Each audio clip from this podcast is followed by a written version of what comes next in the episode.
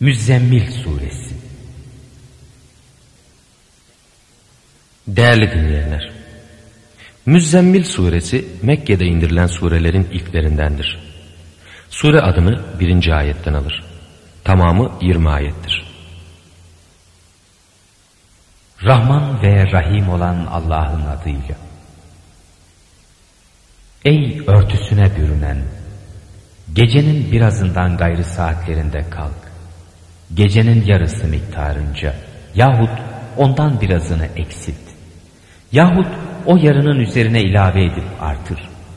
Kur'an'ı da açık açık tane tane oku. Hakikat biz sana ağır bir söz vahyediyoruz. Gerçek gece yatağından ibadete kalkan nefs yok mu? O hem uygunluk itibariyle daha kuvvetlidir hem okuma bakımından da daha sağlamdır.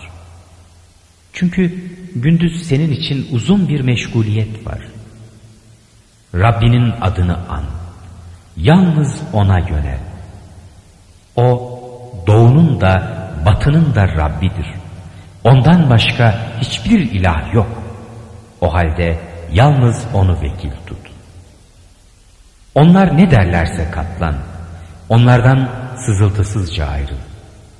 Yalan sayacak olan o varlık sahiplerini bana bırak ve onlara biraz mühlet ver. Çünkü bizim yanımızda ağır bukalar var, yakıcı bir ateş var. Boğazda tıkanıp kalan bir yiyecek var.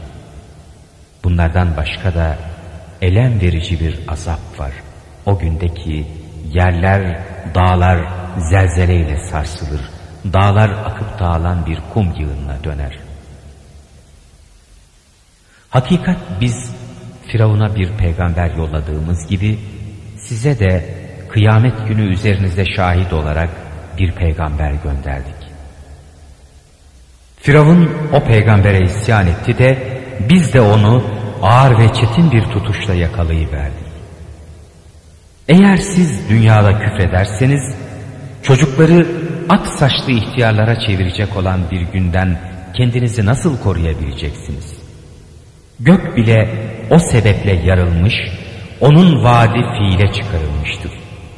İşte bu hakiki bir öğüttür. Artık kim dilerse Rabbine bir yol edinir.